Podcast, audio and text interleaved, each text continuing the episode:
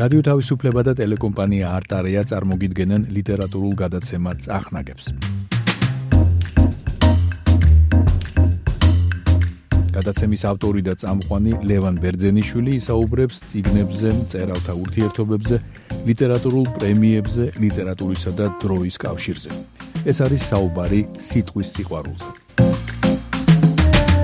მოგესალმებით ძვირფასო მეგობრებო, ეს გახლავთ გადაცემა წახნაგები და ამ გადაცემას უძღვები მე ლევან ბერძენიშვილი. ამ ლიტერატურულ გადაცემაში ჩვენ გვაქვს რუბრიკები და ტრადიციულ რუბრიკებს მე ვუმატებ დღეს ახალ რუბრიკას. ეს არის ლიტერატურა და მუსიკა. ის ნაწარმოები, რომლის განხილვა დღეს გსურს, შეიძლება ძალიან ბევრი რუბრიკის ქვეშ გამიხილოთ, მაგრამ მე მინდა რომ ამ ახალ რუბრიკას მან დაუდოს საფუძველი მით უმეტეს რომ ლაპარაკი არის გენიოსების შეხვედრაზე, წერალიც გენიოსია, ის მუსიკოსის გენიოსია, რომელსაც ის ახსენებს და ძალიან სერიოზული შეხვედრა არის, არც ისე უმტკივნეულო ამ ორ უზარმაზარ ხელოვნებას შორის, ლიტერატურასა და მუსიკას შორის, ლევ ტოლსტოის გენიალურ მოთხრობაში, რომელსაც ქვია კროიცერის სონატა. ну, უპირველეს ყოვლისა, სათაური. გასაგებია, რომ ლიტერატურული ნაწარმოებია, მაგრამ აქვს აშკარად მუსიკალური სათაური, კროიცერის სონატა ძალიან ცნობილი სათაური არის მუსიკის სამყაროში, ეს გახლავთ ბეთჰოვენის სონატა ვიოლინოსა და ფორტეპიანოსათვის, რომელიც მან მიუძღვნა ფრანკ მევიოლინეს, თავისი ეპოქის საუკეთესო მევიოლინეს, როდოლფ კროიცერს. მოსე უცნაური ის გახლავთ, რომ თვითონ ამ ნაწარმოებში სანამ მას შეეხებოდა ლევ ტოლსტოი, უკვე ახლდა პატარა სკანდალი. რაც შეეხება ლევ ტოლსტოის, ლევ ტოლსტოის მერე ამ სათაურის დიდი სკანდალი ახლავს და მოხდა დიდი სკანდალი თემ სოფლიოში. იმიტომ რომ ლევ ტოლსტოის მოთხრობა აიგრძალა რუსეთში, ლევ ტოლსტოის მოთხრობა აიგრძალა ამერიკის შეერთებულ შტატებში, ლევ ტოლსტოის მოთხრობა აიგრძალა ავსტრალიაში.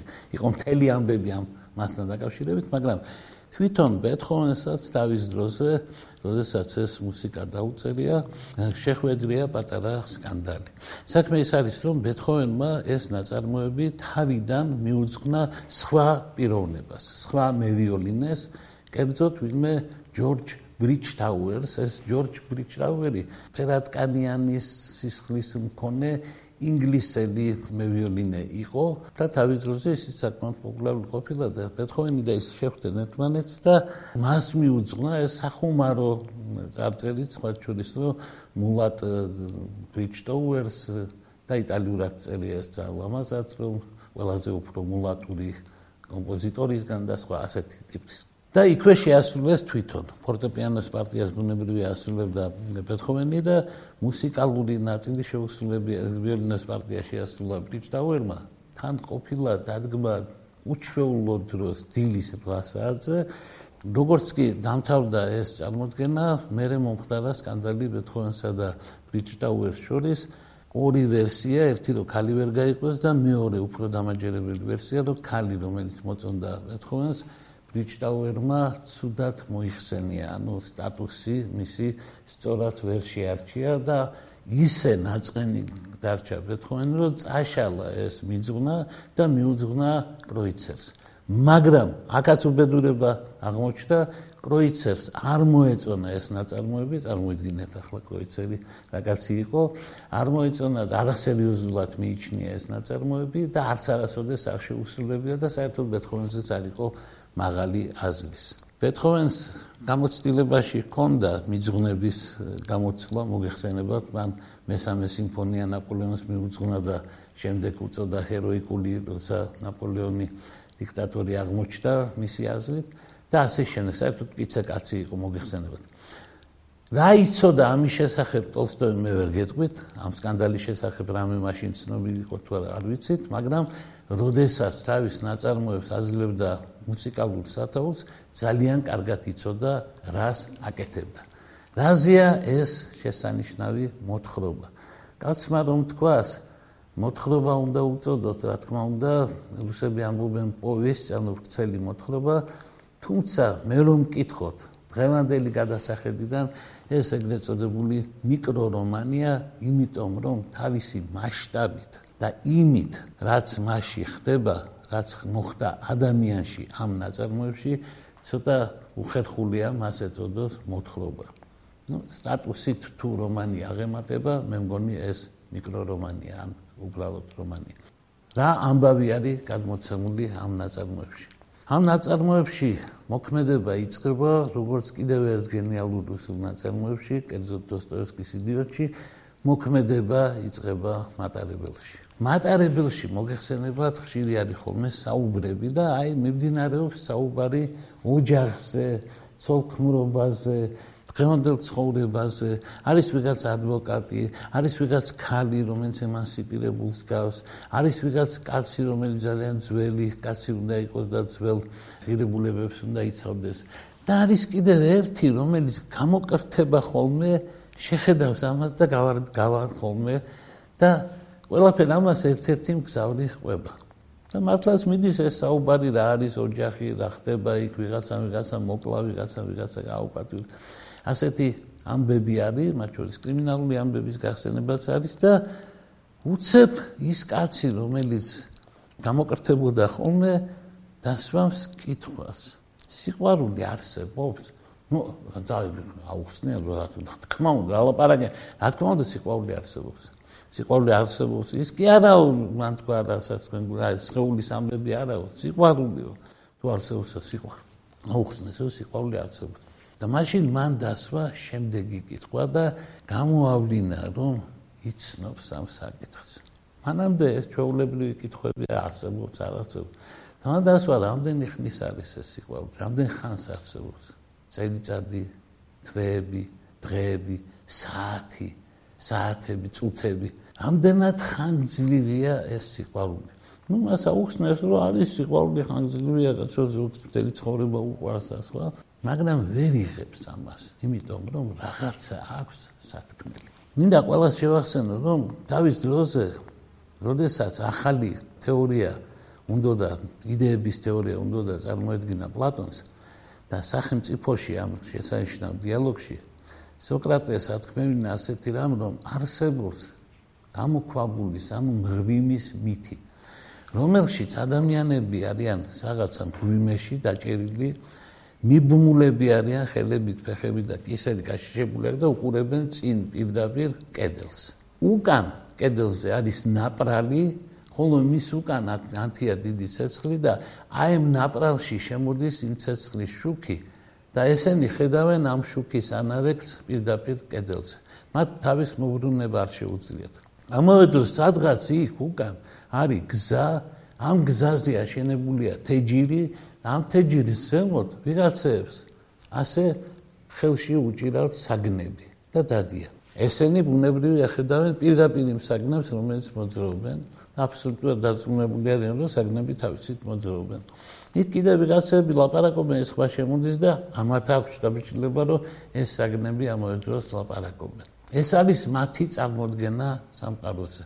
ეს არის ჩვენი წარმოდგენა სამყაროზე. ჩვენ სინამდვილეში საგნებს კი არ ვჭრეთ, გვეუბნება პლატონი, ჩვენ საგნების აჩრდილებს ვჭრეთ. და თვითონ ის საგნებით, რომლის აჩრდილებსაც ჩვენ ვჭრეთ, არ არის ნამდვილი. ანუ ისიც ცოცხალი არ არის. ანუ ჩვენ აჩრდილის აჩრდილებს ვჭრეთ. და ახლა წარმოიდგინეთ ამბობს პლატონი, რომ აქედან ერთი კაცი გამოვიყვანოთ და ვაჩვენოთ სინამდვილე. ის დაინახავს რომ არსებობს სამყარო არის მზე. ესენი კედელია ადამიანებია ის ფიგურებია. ანუ გაიგო ყველაფერი როგორ არის? და თუ კი ამ ადამიანს უკან დავაბრუნებთ იგი შეეცდება თანარჩენებს აუხსნას რომ რასაც ისინი ხედავენ ის კი არ არის იმართლე სულ სხვა არის იმართლე მაგრამ ისინი მას ბუნებრივია არ მოусმენენ რატომ გითხარით ეს მითი? აი ამ მითზე აგებული ფარულად რა თქმა უნდა. ტოლსტოი არ ახსენებს არც პლატონს და არც ამ მითს. შეიძლება არც უფიქრია ამ მითზე მაგრამ ძალიან სერიოზულად ემთხვევა ის რასაც ის ამბობს იმას რასაც პლატონი გვეუბნება. კაც რომლის გვარი არის პოზდნიშევი. და ტოლსტოის უყვარს მეტყველი გვარები და პოზდნიშევი ნიშნავს იმ კაც რომელიც გვიან მიხვდა რაღაცას პოზდნა აი პოზდნიშევი ხდება ისეთ ამბავს როგორც ადამიანი რომელიც თვითონაც ჩვენსავით ბრმა იყო, ანუ ვერაფერს ვერ ხედავდა, იმ კედელს ხედავდა და აჩრდილის აჩრდილებს, და უცებ გაიგოს იმართლე და ახლა ერთი სული აქვს აგვიხსნას და ჩვენ არანაირი სურვილი არ გვაქვს გავიგოთ და მოვისმინოთ. რას გვიხსნის პოზნიშევი? რას ყვება პოზნიშევი? პოზნიშევი თურმე ცნობილი კაცია სხვა ჩვენ ცოტა ეწყინა კიდევაც თქვენ მე ვერ მიცანითო ვერაო მე პოზნიშევი ვარ და ვიღაცებმა არიციან რა პოზნიშევმა ვიღაცებმა იციან პოზნიშევი არის კაცი რომელმაც ცოლი მოკლა 11 თვე სასამართლოს ელოდებოდა ციხეში და 11 თვის შემდეგ სასამართლომ იგი გაამართლა. პოზნიშევი არის კაცი, რომელმაც ცოლი მოკლა ხალატის გამო. და ახლა ეს კაცი აგერ მატარებელშია და ცდილობს მოიტანოს ის სიმართლე, რაც მან გაიგო ამ დანაშაულის შემდეგ. მისი ისტორია საკმაოდ მარტივია. მან იცხოვრა ისე, როგორც ცხოვრობ ჩვენ ყველანი.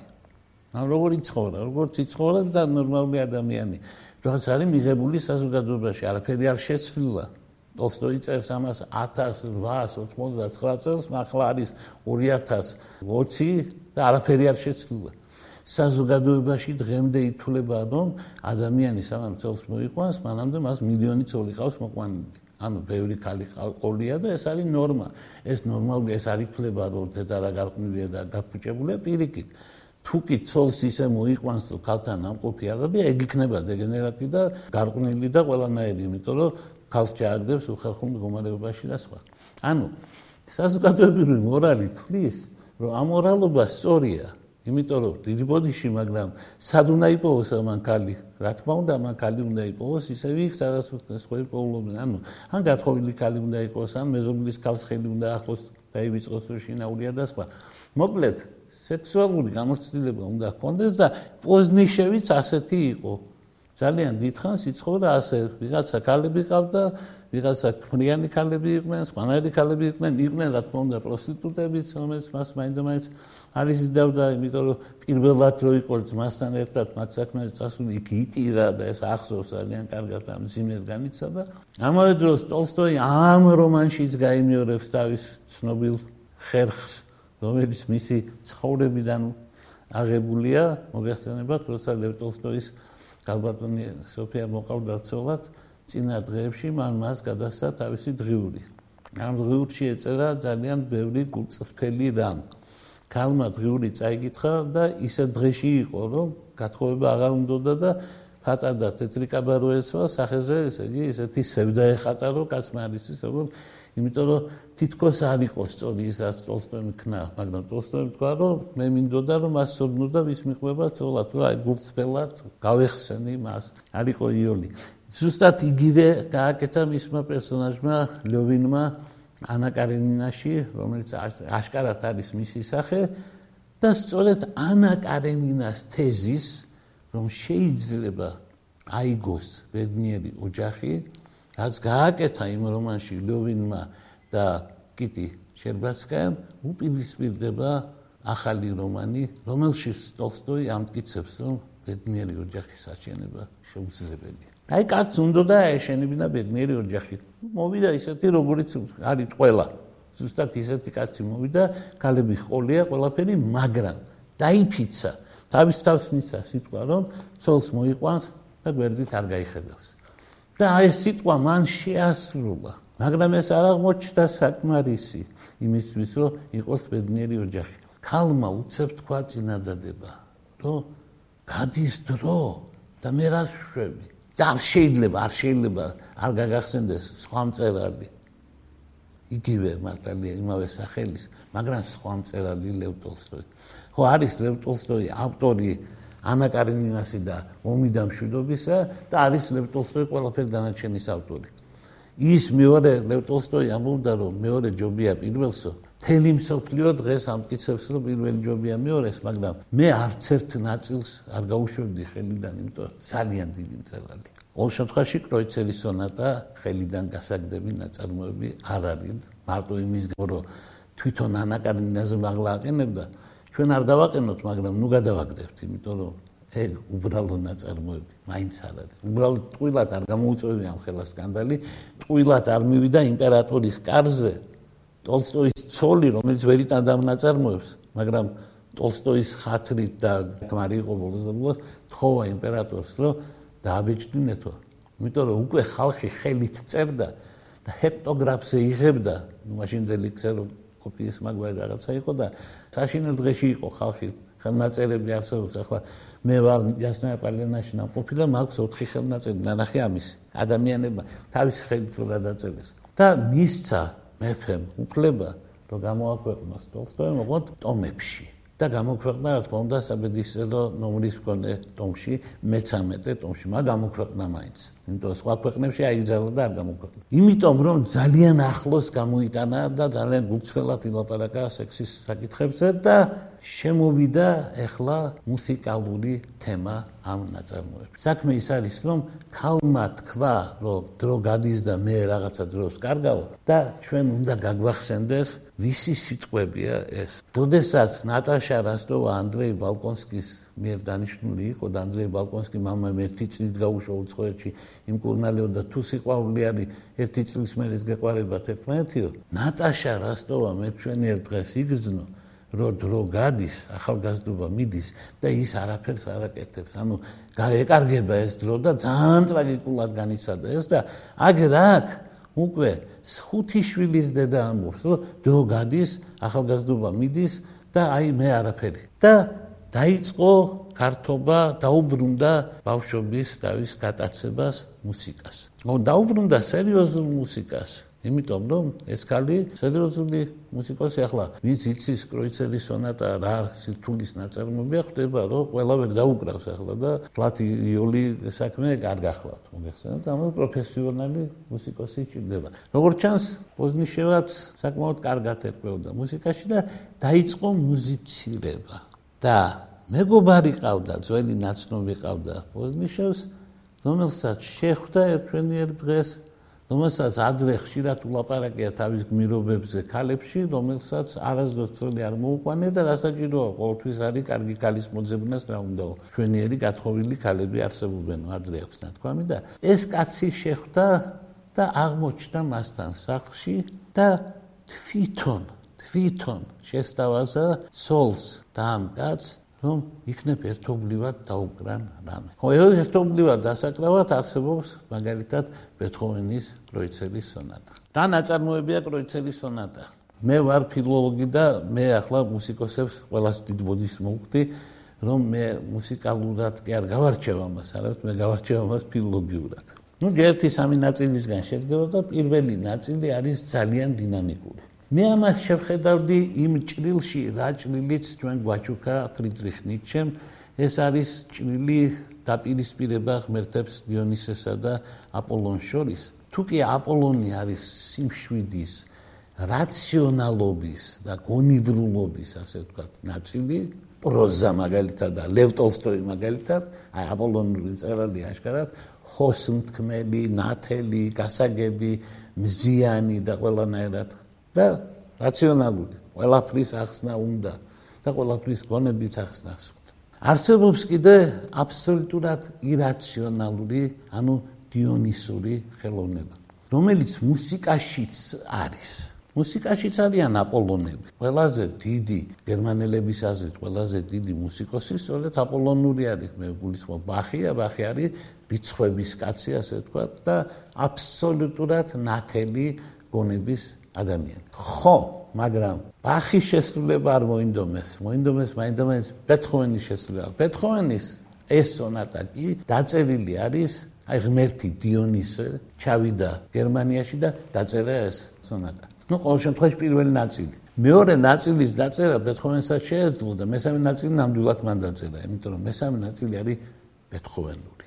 ანუ იმ ტრადიციებში, რომელიც იყო და აი რომელშიც ბაროკოს მერე ნემნელა რო იბადება რომანტიზმი, ოღონდ ისე წყნარად რა კაცულა დაამთავრა. დასასრული აქვს ჩვენიერი. მეორე ნაწილი არის ძალიან ლამაზი, მაგრამ ნორმალური. პირველი ნაწილი არის არანორმალური. არანორმალურია, იმიტომ რომ ჯერთი ძალიან მე არ ვერ დავესწრებოდი ახლა ამ ოჯახში, მაგრამ არ ვარ დარწმუნებული, მართლა პროფესიულად დონეზე შეიძლება ქალს შეესრულებინა საფორტეპიანო პარტია. იმდენად რთულია. მაგრამ ამავე დროს ეს პირველი ნაწილი არის ვიოლინოსა და ფორტეპიანოს ისეთი დიალოგი, რომელშიც მუსიკის ცოდნეობა არ არის საჭირო. რომელშიც ხედავ, რომ ინსტრუმენტი ინსტრუმენტს სიყვარულს უხსნის. არის ერთმანეთის გამეორებები, არის წამოწყება და აყოლები და არის ერთობლივი და ეს ყველაფერი არის ექსტაზი. ისეთი ენთუსიაზმოსით, ისეთი ექსტაზით, რომ ამის მერე იქვე შეიძლება დაინახო ფრანკ ხატვარს არ დახატული, რომ ქალს ჯერ ხელიც არ აქვს აღებული კლავიატურიდან მე ვიოლინე ისე ეცა წელში, ასეთი ნახატი აქვს კროიცელის სონატის მიხედვით დახატული. შესანიშნავი ნახატია ნანახი. ანუ მე იმის თქვა მინდა რომ ჩადო ბეთჰოვენმა მაშინ რამე არ ჩადო ბეთჰოვენმა მაშინ რამე მაგრამ აშკარად როდესაც კაცი და ქალი ასრულებს ამ ნაწარმოებს იქ სრულიად აშკარა არის სექსუალური ტოლვა. აშკარა ხდება. შეუძლებელი არის სხვა რამეს გავდეს. იმიტომ ეს ის ხთაებრივი სიყვარულია რომელიც მიწაზეა ჩამოსული და ხო გეუბნეთ ასე ხდება. მე მინახავს ბევრნაირი შესრულებით. როდესაც ქალია მე ვიოლინე და კაცი არის. როდესაც ორივე საუკეთესო შესრულება რაც იწლება პერმანის და იცხაკის პერმანის და არ მახსოვს ახლა მაგრამ კაცები არიან, ბიჭები არიან თან ახალგაზრდობის შესრულება.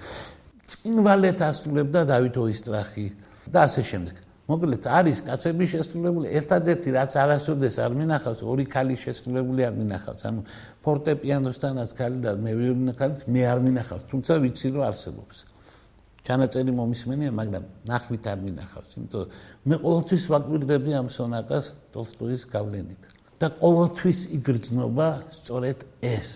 აი როგორც მულოვასა და აბადოს შორის აი რაღაც იქ აი მიუხედავად იმისა არ არ იყო გამოცხადებული თქვა არავინ არ იცის თუ აქ რაღაც ნებაზეა ლაპარაკი მაგრამ ყველას ეჩვენება. და მასაც მოეჩვენა ეკითხება აქ მატარებელში რო ყვება ამ ამბავს ეკითხება თქვენ მოსმენილი გაქვთ ეს პიესა ეს სონატა? პირველი ნაწილი მოსმენილი გაქვთ იმიტომ ღელავ ძალიან იმიტომ ეს პირველი ნაწილი უნდა მოისმინოს კაცმა. იწებს ვიოლინო აყვება ფორტეპიანო და მეરે იქნება? გიჟური ნაწილები წარმოუდგენელი რიტმი წარმოუდგენელი წარმოუდგენელი სილამაზე და დაინახა ზის კაცი და დაინახა რომ მისი ცოლი აგერ ამდენი ხალხის თვალწინ შიგ მუსიკაში ნებდება კაც ეს უბრალოდ დაინახა აქ შეიძლება გავიხსენოთ ალბერ კამიუს აბსოლუტურად გენიალური მოთხრობა მოღალატე ცოლი სადაც ხვრინავს კომივაჟერი ქმარი და გარეთ გადის ქალი ბუნებაში და მას ქვია ღალატი. იმიტომ რომ მან უღალატა. აი კამიოს გადასარევად აქაც დაინახა უკვე არა მეტი არაფერი არაა საჭირო. დაინახა, მაგრამ თავი შეიკავა. და თქვა რომ რაღაცა იმიტომ გაორმაგებულია და ფიქრობს რომ შენ რო ხედავ ის არ არის სწორი შენ გეჩვენება იმიტომ ეჭვიანი ხარ. ეჭვიანი ხარ. არ არის სწორი. ამის მერე სოფლად წავიდა ზემსკი საქმეები ჰქონდა. იქ რო ჩავიდა და უნდა იყოს ამდენმე ხანს წასვლის წინ ეს კაცი რომლის გვარია სხვაჩუ ტრუხაჩევსკი. რატომ ხაც მე ვიოლინეს გვარია ტრუხაჩევსკი. ტრუხაჩევსკი ეუბნება რომ მე მივდივარო და მიხვდა რომ სანამ ეს არ იქნება ის არაპირებს მის სახში მოსვლას და რაღაცნაირად ესიამუნა რომ იცავს ამ ეტიკეტს. თუ მას მიძელი სახში არ არის არ უნდა მიხვიდე ახლა როცა კალიანება თითქოს.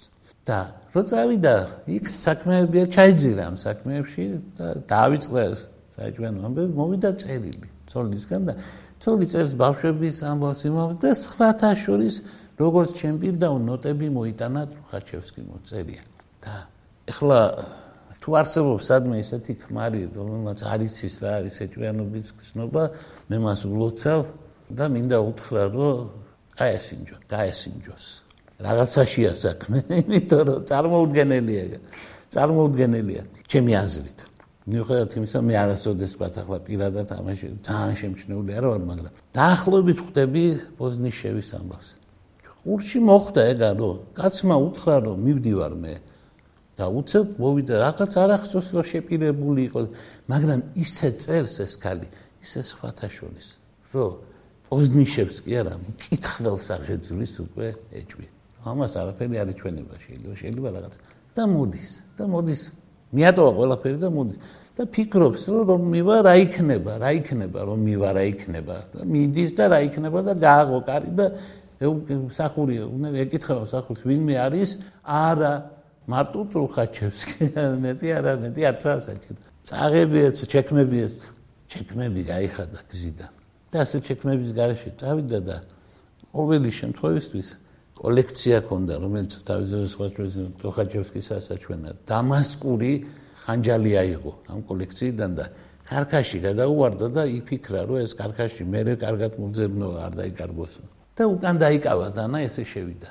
და შევიდა და ინახა აქ არიან და არიან. დაიბნენ ისინი საშინლად და ახლა ფიქრობენ ფიქრობენ გაჭრის თუ არ გაჭრის რომ რაღაცა ტყუილი უნდა თქვან და დაიწყეს წამოიწყეს მაგრამ არ გამოვიდა და ტრუხაჩევსკი როგორც პარისი იმიტომ ყველა სხვისი ძოლის ხურდი კაცი სინამდვილეში მთხლეა როდესაც ქმარი ბრუნდება. და არც მინდა ვილაპარაკო საიდან ვიცი და რამდენი ვიცი ამაზე ბევრმა ბევრი რამ ვიცი ამაზე რომ დაინახ როიალის ქვეშიდან გაძვრა და გაიქცა. შეატოვა ეს ქალი.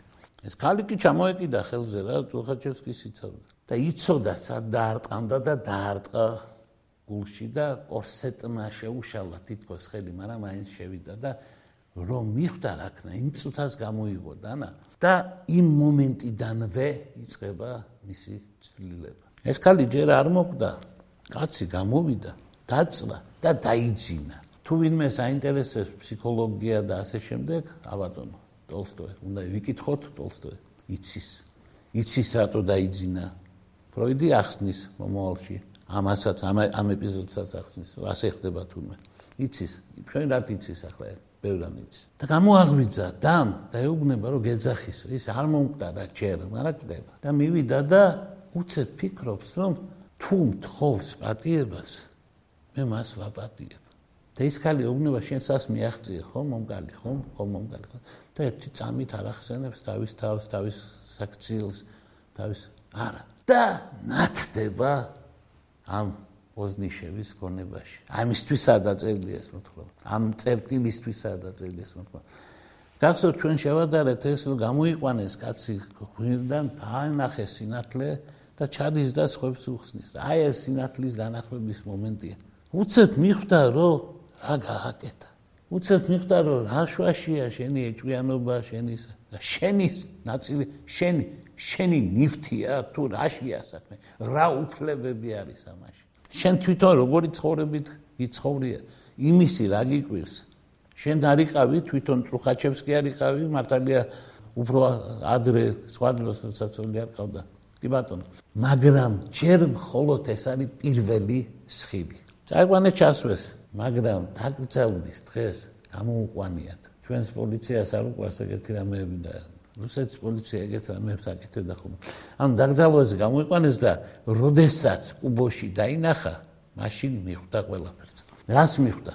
მიხვდა რომ ადამიანს არ აქვს უფლება მეორე ადამიანი თავისად მიიჩნიოს, თუ გინდა ცოლი იყოს.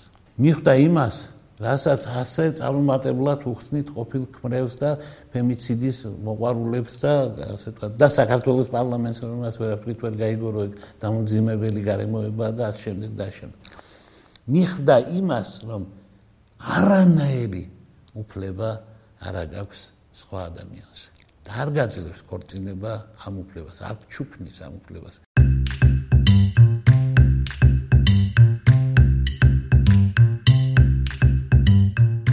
რადიო თავისუფლებამ და ტელეკომპანია არტარიამ წარმოგიდგინეს ლევან ბერძენიშვილის გადაცემა წახნაგები.